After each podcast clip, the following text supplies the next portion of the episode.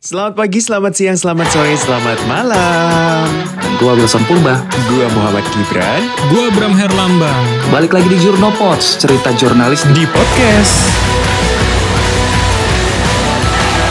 Selamat pagi, selamat siang, selamat sore, dan selamat malam. Halo para pendengar Jurnopot. Kali ini balik lagi bareng gue Bram Herlambang, tapi tanpa Wilson dan Gibran. Tapi nggak sendirian banget, karena sudah ada satu narasumber. Beliau ini mungkin teman-teman kenal sebagai apa ya? Bukan hanya praktisi media sosial, tapi influencer kali ya sekarang ya. Halo Pak Wicaksono, apa kabar? Hai, apa kabar Bram? Sehat-sehat ya? Sehat-sehat, Alhamdulillah Pak. Ini makin ini Pak, makin kenceng kayaknya Pak. Kayaknya punya jadwal tertentu gitu untuk upload setiap harinya. Di Instagram ya. Uh, Hmm. Sebetulnya kalau disebut makin kencang, enggak juga gitu. Karena dari dulu saya rutin dan konsisten bikin konten Instagram tuh uh, setiap hari pasti ada konten baru. Hmm. Kalau di platform lain seperti di Twitter juga uh, setiap hari pasti ada update baru gitu. Bahkan di Twitter dalam sehari bisa posting berapa kali. Kalau di Instagram saya batasi satu atau dua, satu untuk konten feed dan satu untuk uh, reels lah ya, karena reels baru juga kan, yang cuma-cuma lah. Bapak itu memakai status kakung tapi mengikuti tren yang ada ya. Begitu Reels keluar langsung ikut bikin ya. ya sebagai pelaku ya, pelaku media sosial eh, kan boleh ya atau disarankan katanya untuk selalu mencoba hal-hal yang baru gitu ya. mengikuti tren begitu ya perkara berhasil atau tidak disukai oleh audiens atau enggak itu soal lain yang penting kita coba dulu testing the water ya Pak ya. iya gitu. Ada jadwal tertentu nggak sih Pak untuk posting di Doro Kakung itu? ya kalau di Instagram setiap pagi ya eh, saya usahakan ada satu posting atau konten baru gitu Eh, Hmm. kenapa pagi ya karena pagi adalah menurut saya waktu paling produktif jadi malam itu saya menyiapkan konten atau mengumpulkan apa namanya eh, materialnya materinya bahan untuk konten gitu ya.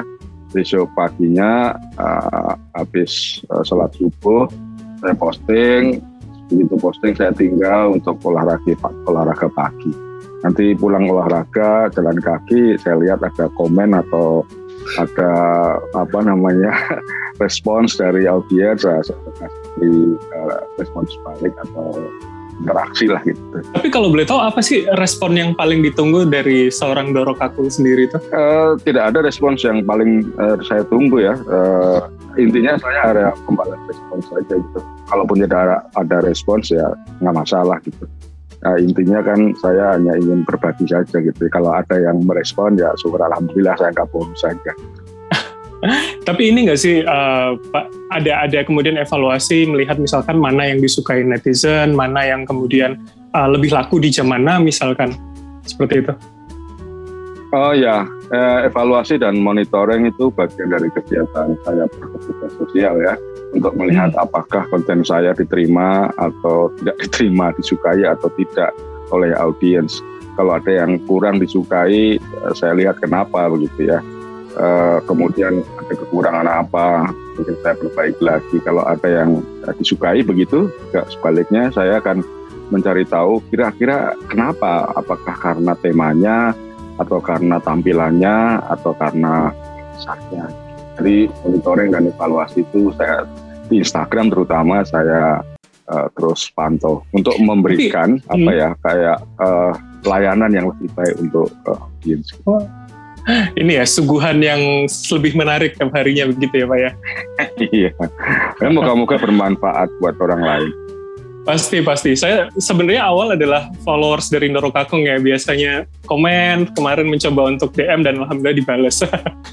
Kalau boleh saya lihat sekilas ini kan eh, kontennya banyak grafis, banyak karosel dan akhirnya beberapa waktu terakhir mencoba reels begitu.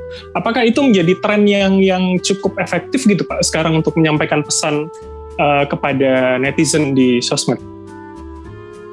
Rasanya iya karena Mosseri, CEO-nya Instagram pun mengatakan bahwa eh, Reels adalah eh, features baru yang diemaskan lah kata oleh Instagram katanya kan untuk menyaingi platform sebelah TikTok. kerajaan TikTok ya. Jadi uh, saya hanya sekedar memanfaatkan kesempatan kesempatan saja gitu ya. Ketika Instagram mengamaskan reels, ya saya ikut aja gitu ya. Dan untuk carousel memang uh, apa namanya kata menunjukkan bahwa format carousel itu uh, efektif untuk mem, apa ya memicu interaksi atau engagement. Salah satu konten yang memancing interaksi antara konten kreator dan audiens ya carousel. Jadi ya saya pakai dan, saja. Dan kayaknya kalau kalau apa namanya pengikut followers atau ini, Vincent akan akan berlama-lama ya Pak membaca sambil swipe uh, slide-nya gitu. Ya itu memang tujuan dari Instagram adalah membuat orang berlama-lama di aplikasinya kan. Makin hmm. lama algoritma memberi uh, apresiasi yang lebih kepada kreator konten yang membuat uh, kontennya bisa menahan sekian detik uh, audiensnya gitu. Oleh sebab itu konten-konten yang bisa menahan lebih lama audiens itu biasanya direkomendasikan di halaman explore gitu. Benar-benar. Nah itu artinya juga ini Pak, untuk Reels itu kan walaupun cuma 30 ini ya, 30 detik, tapi kan untuk Betul. algoritma sebenarnya kalau kami melihat sebenarnya masih ngacak kan Pak ya? Apakah itu juga keuntungan Pak untuk untuk para konten kreator sekarang? Kalau khusus untuk Reels ya, uh, beberapa uh, apa namanya analis malah memperkirakan konten yang paling efektif di Reels itu justru hanya 5 sampai 7 atau 7 9 detik gitu. Wow, Jadi sampai 30 sekali. detik. Iya itu dia. Saya juga agak heran apa benar nggak ya analisisnya ini. Uh, katanya sih begitu. Saya lihat beberapa analisnya Instagram mengatakan begitu.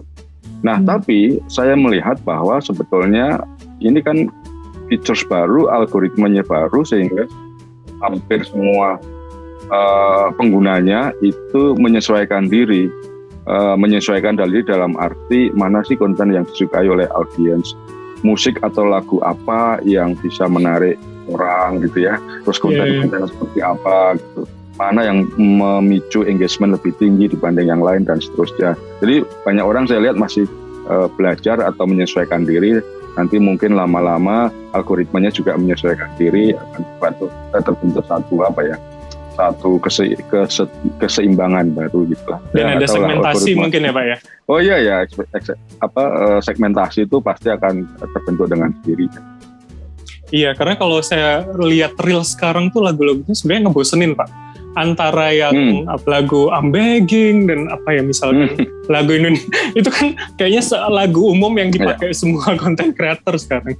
Ya, nah itu sebetulnya juga ada teori yang mengatakan kalau kita ingin reels kita masuk halaman rekomendasi dan uh, memancing uh, engagement, justru uh, sebaiknya menggunakan musik-musik tertentu seperti yang uh, kemarin saya bikin di reels saya gitu ya.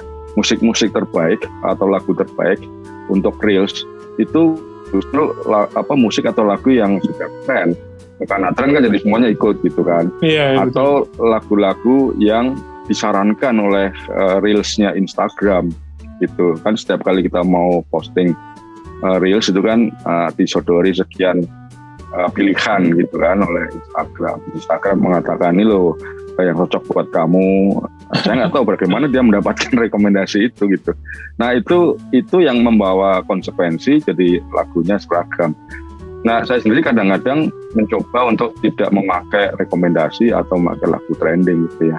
Nah kurang lebih sama tapi kayaknya uh, eksperimen saya belum cukup lama untuk bisa menghasilkan satu kesimpulan yang valid gitu. Tapi artinya kalau ketika kita pakai lagu tren itu apakah ceruknya tidak terlalu besar Pak? Maksudnya orang kan akan kesulitan menemukan konten kita karena banyak sekali yang mungkin pakai lagu yang sama. Nah ini justru keuntungannya di masa-masa sekarang ini ya hmm. konten kita justru lebih lebih mudah ditemukan karena Instagram sendiri merekomendasikan reels itu ke audience atau semesta audience yang berbeda dari eh, semesta atau audiens yang di konten feed. Kalau Anda perhatikan ya, Bram, lihat itu ya, yeah. konten kita tuh hanya dipromosikan di halaman explore.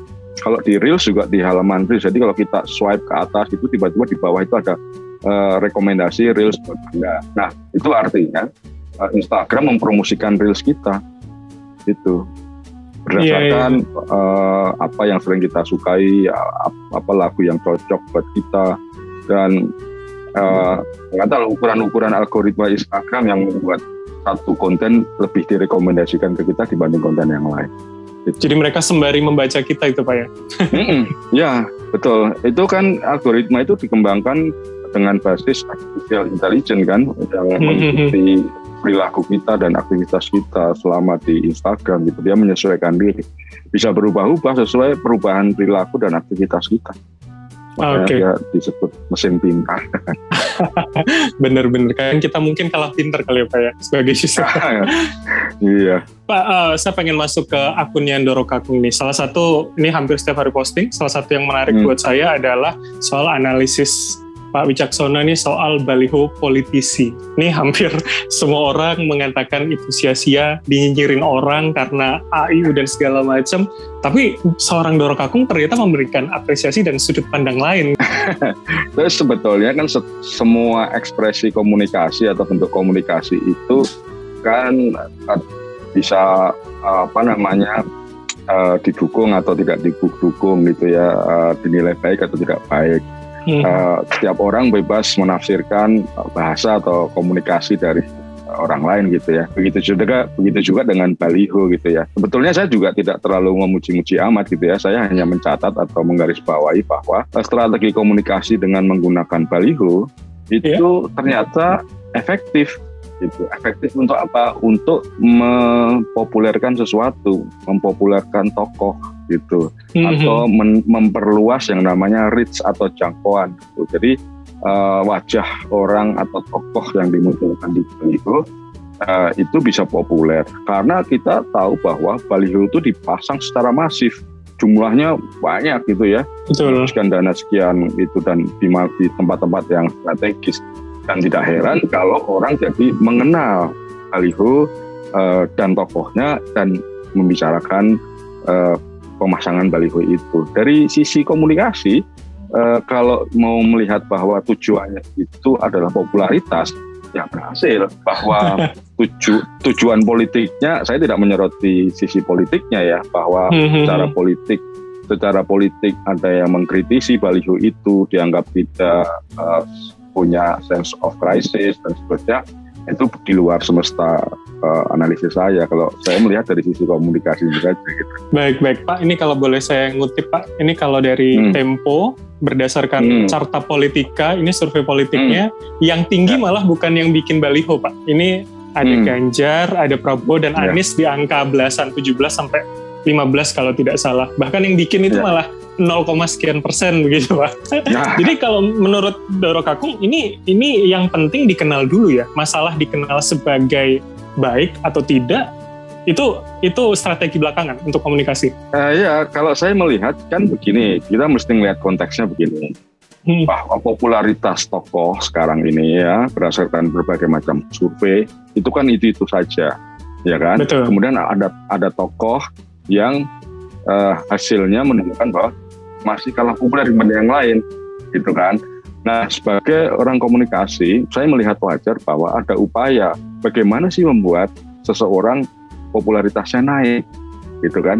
Itu kan sebuah strategi yang yang wajar gitu. Nah pasanglah baliho gitu. Hmm. baliho bisa bisa ya berpotensi gitu ya menaikkan popularitas seseorang yang ada di baliho tersebut gitu. Itu sebetulnya terbukti dari analisis John Umbrecht, uh, Ismail Fahmi ya, waktu yeah. beberapa hari, waktu yang lalu kan dia uh, mengeluarkan hasil uh, apa namanya hasil dari pelacakan John Umbrecht yang menelusuri percakapan di media sosial gitu. Betul. Nah, baliho itu ternyata banyak dipercakapkan. Artinya populer kan bahwa secara elektabilitas itu belum berpengaruh itu soal lain. Tapi dari yeah. sisi popularitas dia dapat gitu. Yang penting dibicarakan dulu pak ya. Iya, ya, dibicarakan itu kan salah satu indikator popularitas. Saya nggak pernah dibicarakan orang, berarti ya kurang populer. Masa sih followersnya banyak kok. followers banyak kan masih banyak dari yang membicarakan soal baliho. Tapi kalau boleh saya relatekan berarti itu sebenarnya bisa hmm. digunakan strategi yang sama untuk para konten kreator ya di sosmed. Yang penting orang kenal oh, sangat, dulu. sangat, ya iklan di iklan di internet kan itu ukurannya uh, views ya uh, eyeballs berapa orang banyak yang melihat gitu semua iklan digital begitulah ukurannya uh, berapa kali dilihat orang gitu sama dengan uh, baliho gitu cuman kalau uh, di iklan digital atau digital ads gitu uh, mesin pengukurnya kan uh, presisi ya tercatat gitu ya berapa kali diklik orang gitu ya. Kalau baliho harus pakai kan orang sering nanya baliho gimana ngukur efektivitasnya atau berapa kali dilihat? Nah itu harus pakai survei kuantitatif gitu. Terus ditanyakan orang apakah anda pernah melihat baliho ini? Itu misalnya gitu ya. Hmm. berapa kali berapa kali dalam uh, sehari berapa sehari. Nah baru dari situ bisa diukur efektivitas uh, sebuah baliho terhadap popularitas tokohnya. Oke okay, oke. Okay. Nah Pak ini saya juga tertarik beberapa waktu yang lalu kita sedikit sambungkan begitu. Bapak bikin analisis soal akun salah satu institusi yang malah bahas bolen ini Pak. Ini kan kalau kita nah. bilang seakan-akan banyak akun institusi Pak. Tidak hanya satu kemarin itu saja. Itu rasanya tidak yeah. menggunakan teknik atau apa ya uh, ilmu-ilmu yang barusan kita bicarakan. Malah kadang mungkin konten kreator lebih cepat ya nangkep ya kepekaan soal netizen itu. Gimana Pak lihatnya Pak? Nah gini, saya kan beberapa kali diminta untuk berbagi ilmu gitu ya, diminta untuk uh, apa ya kayak mengajar workshop gitu di lembaga lembaga pemerintah uh, yeah. sejak beberapa tahun yang lalu ya. Um, tentang media sosial, strategi media sosial, tentang strategi membuat konten gitu ya. Uh, zaman awal-awal dulu saya diminta untuk memberi mereka bekal begitu ya iya. banyak admin yang yang yang belum bingung pak paham gitu ya ya sekarang wah keren-keren itunya apa namanya uh, admin-admin tapi juga sebetulnya itu dipengaruhi karena birokrasi ya itu dipengaruhi oleh bagaimana pimpinannya. Di birokrasi itu pimpinan sangat berpengaruh terhadap nanti output konten media sosialnya. Okay. Ada lembaga-lembaga pemerintah ya yang di tingkat bawah admin-admin dan para media sosial strategisnya itu sangat paham gitu ya. Tapi karena atasannya yang mm, masih menggunakan pola pikir yang lama konservatif uh, sehingga konservatif uh, belum paham betul media sosial dan bagaimana memanfaatkannya sehingga ini bentrok dan akhirnya outputnya ya kurang apa ya kurang sesuai dengan uh, teori atau ilmu komunikasi yang yang kita pelajari gitu tapi ada ada juga banyak lah saya lihat sekarang akun-akun uh, lembaga resmi pemerintah yang admin admin dan pimpinannya itu udah satu bahasa lah. Jadi outputnya bagus itu. Anda bisa melihat di banyak akun misalnya akun Kementerian PUPR, uh, Dirjen Pajak itu TikToknya hmm. sangat sangat tinggi engagementnya gitu. Karena pariwisata, juga pariwisata, uh, Kementerian hmm. apalagi ya, uh, Kementerian Pendidikan, uh, kemudian Kementerian Keuangan, uh, TNI AU di Twitternya kan juga sangat oh iya uh, betul. engagement yang tinggi gitu kan. Walaupun nah, sering menjawab jadi, di luar konteks ya pak. Nah, tapi uh, saya melihat bahwa strategi konten mereka bagus untuk engage anak anak-anak muda. Karena gitu. mau tidak mau kan sebetulnya itu adalah representasi ya pak dari institusi atau lembaga tersebut ya pak ya? Iya, atau paling tidak representasi gaya komunikasi pimpinannya lah. Kalau kayak okay. komunikasi pimpinannya itu uh, terbuka, kemudian uh, apa ya uh, mengikuti zaman, selaras dengan apa yang ada di media sosial, ya outputnya juga bagus. Okay. gampang gitu lihat tuh, bisa, bisa bicara banyak lah dari dari konten media sosial satu lembaga itu kita bisa bicara banyak ya. Meskipun kalau Kati kembali ke pertanyaan Bram yang soal uh -huh. akun lembaga resmi itu yang soal Poland, ada yang mengatakan bahwa itu memang sengaja untuk kamuflase dan seterusnya. Katanya gitu ya. pesan rahasia, ya, Pak. itu bisa jadi terserah gitu ya. Tapi kan tidak semua orang bisa menangkap itu kalaupun ada pesan rahasia ya atau itu adalah sebuah dikau eh, decoy gitu ya atau um, umpan atau apa pun lah gitu ya. Yeah. Uh, pada akhirnya kan kita bicara dengan audiens awam gitu ya kalau kan jadi gini, kalau komunikasi itu yang penting kan uh, siapa mengatakan apa dan diterima dengan uh, oleh komunikan ya seperti apa gitu. Efektif Iya. nggak komunikasinya? Kalau nggak efektif ya ya kamu mau berdalih dengan apa pun ya ya apa ya kalau nggak efektif ya nggak efektif aja gitu ya. Eh, ada yang bilang wah kan kamu misalnya misalnya wah itu kan lembaga eh, rahasia gitu ya jadi semuanya Hmm. harus rahasia dan kemudian kita jadi membandingkan dengan lembaga sejenis di negara lain seperti apa gitu. Betul. Kalau CIA kan sangat menggambarkan begitu Pak, apa dengan ada agennya mereka tidak tampak muka misalkan atau Iya. yang dia menyebutkan janji konstitusi dengan berbagai bahasa.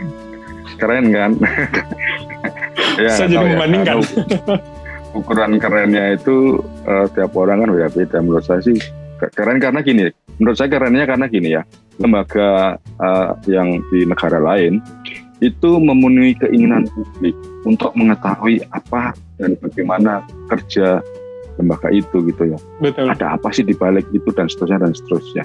Sementara lembaga yang sama di sini tidak memenuhi harapan publik.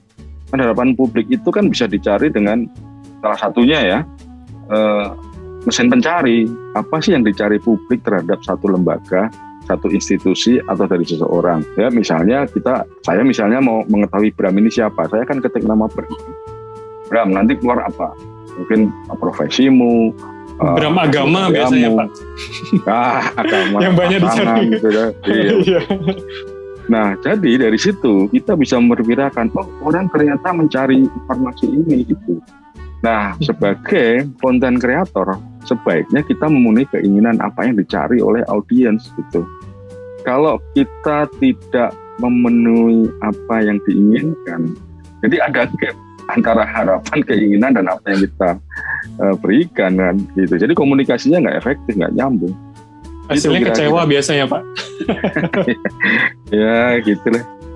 Baik, Pak, ini saya sambungkan lagi Pak. Ketika hari ini kita bicara media sosial, media baru begitu kan, media konvensional kan seakan-akan agak ketakutan nih Pak. Akhirnya mau tidak mau mengikuti sedikit demi sedikit, mulai dari sosmed, mulai dari mengikuti misalkan uh, Instagram punya Reels, TikTok punya apa dan segala macam. Tapi kan rasanya Pak, kalau media konvensional bermain di ranah medsos juga belum terlalu efektif begitu Pak. Hmm. Seorang Dora Kakung bagaimana melihat apa ya perpindahan konvensional menjadi sosial media ini?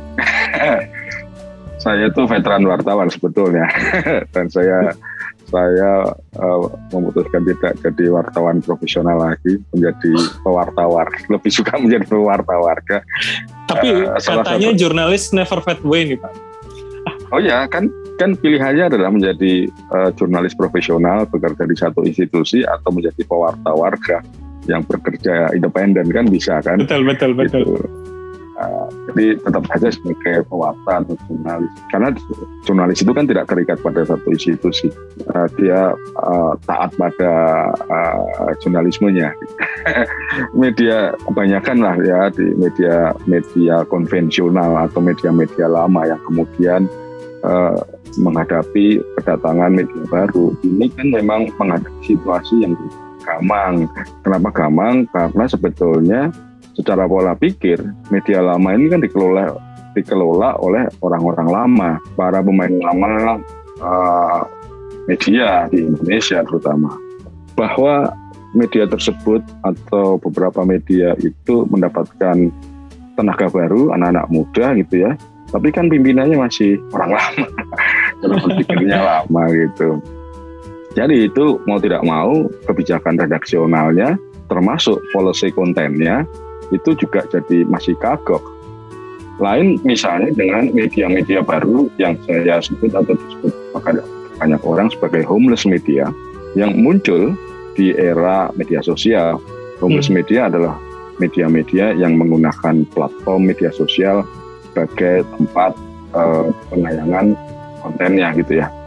Nah itu lebih luas gitu, lebih luas karena mereka nggak nggak datang dengan pola pikir yang baru gitu ya. Konten-kontennya lebih berkait apa relate gitu ya, relevan dengan uh, audiens baru. Nah, uh, tapi sebetulnya kalau menurut saya ya, kalau media itu kan sebetulnya uh, secara apa namanya kitohnya itu kan adalah uh, kitohnya uh, adalah apa ya uh, tempat publik mendapatkan informasi selengkapnya supaya publik bisa mengambil keputusan sendiri gitu. Uh, maksudnya apa itu? Maksudnya ya menjadi media itu apa uh, uh, sebaiknya bisa menjadi pegangan, menjadi clearing house bagi publik. Sehingga publik ketika membaca berita atau informasi dari media tersebut mendapatkan banyak bekal untuk memutuskan sesuatu. Misalnya apakah aku perlu divaksin atau tidak? apakah aku harus mengikuti protokol kesehatan atau tidak gitu. Nah, hmm. keputusan itu kan tidak datang tiba-tiba, tidak serta merta aku memutuskan uh, aku divaksin atau enggak gitu. Kan manusia sebagai makhluk yang membutuhkan informasi akan mencari informasi sebanyak-banyaknya. Keputusan itu kan aku dapatkan atau orang dapatkan atau publik dapatkan salah satunya dari media. Oleh sebab itu media harus bisa membekali publik audiens dengan informasi yang lengkap, yang sepotong-sepotong, lengkap dan yang lengkap dan kredibel. Kalau tidak bisa menjadi eh, lembaga clearing house atau lembaga tempat orang mencari kejernihan, jadi tinggal gitu sebetulnya. Apa namanya langkah berikutnya baru memikirkan kemasannya seperti apa. Tapi yang lebih penting sebetulnya kontennya, gitu. kontennya dulu. Orang mencari media itu mencari kontennya dulu. Iya, iya. Gitu mencari jawaban dari pertanyaan yang dia dapat mungkin kali ya Pak. Iya, hmm. betul. Satu pertanyaan terakhir dari saya, tolong dijawab singkat. Pak, ketika ada media baru, ada konvensional, akan seperti apa nanti Pak? Apakah ada yang menang salah satu, atau mungkin ini hanya menambah medium baru, misalkan seperti ya kita punya TV, radio, koran, seperti itu? Ya, seperti itu. Sebetulnya ini kan evolusi media ya, akan selalu muncul bentuk format jenis media baru. Nah, dan akan lahir juga generasi-generasi konsumen media baru gitu ya. Nah, semuanya saling menyesuaikan diri gitu. Buat saya nggak masalah. Apa pun medianya, apa pun formatnya, apa pun teknologinya. Yang penting kontennya. Uh, media itu kan hanya kemasannya saja. Yang penting kontennya. Oleh sebab itu, uh, siapa pun yang mengelola media, pekerja media gitu ya. Pertama-tama perhatikan kontennya dulu lah. Fokus pada kontennya dulu. Fokus pada konten yang memenuhi keinginan publik bisa menjernihkan masalah sehingga publik jadi jelas jadi terang gitu ya. Uh, produksilah konten yang valid yang kredibel yang bisa dipercaya. Uh, sehingga uh, publik masyarakat uh, kehidupannya jadi lebih mudah bukan malah jadi tambah bingung, tambah ruwet. Akhirnya percaya sama yang di WhatsApp. Eh, itulah kan jadi sedih kan kita. Betul. Jadi kalau ini kalau saya boleh apa ya mencuplik katanya Queen itu kan radio someone yeah. still love you berarti TV pun juga akan sama pak ya? Oh iya iya iya. Selalu ada uh, market uh, pasar tersendiri segmen pasar tersendiri untuk setiap media. Di beberapa negara ya uh, negara negara kecil seperti di Islandia gitu ya koran itu masih di dibaca karena warganya sedikit dan mereka nggak terlalu butuh berita dunia ya di lingkungan yang sangat apa terpencil gitu kan. Buat apa mengurusi Putin sedang ngapain gitu ya? Atau Taliban Taliban sedang merangkak Kabul ibu kota Afghanistan. Bodoh amat mereka itu sesuatu yang tidak relate apa relevan dengan mereka gitu. Jadi orang akan mencari media yang relevan dengan dengan kebutuhannya. mereka sehari pasti. Iyalah. Baik gitu. baik baik luar biasa Pak Wicaksono. Nggak kerasa kita ngobrol setengah jam. Iya. seru banget. Iya, ini sebenarnya lebih seru sambil gak kopi kali ya. Gak ada isinya obrolannya. Oh enggak lah yang politisi tadi saya suka Pak. Baliho. Pak Wicaksono alias Doro Kakung terima kasih banyak sudah mau ngobrol Sama-sama, di Jurnopot kali ini memberikan Dengan inspirasi ilmu baru pada kami jurnalis-jurnalis muda ini. Karena saya yakin Bapak walaupun di bionya ex jurno tapi hatinya masih jurnalis ini Pak. ya, terima kasih juga Bram atas kesempatan obrolannya ini uh, senang sekali saya Moga-moga ada ya. manfaatnya buat orang lain. Pasti, pasti, pasti para pendengar kami yang muda-muda itu senang Pak mendengarkan ilmu dari apa Pak Wicaksono. Sekali lagi okay. terima kasih Pak dan itu saja okay. para pendengar Jurnopot episode kali ini luar biasa. Kita tunggu minggu depan akan siapa lagi yang akan jadi bintang tamu dan berbagi inspirasi di kita. Kalau begitu, Jurnopot pamit. Sampai jumpa minggu depan.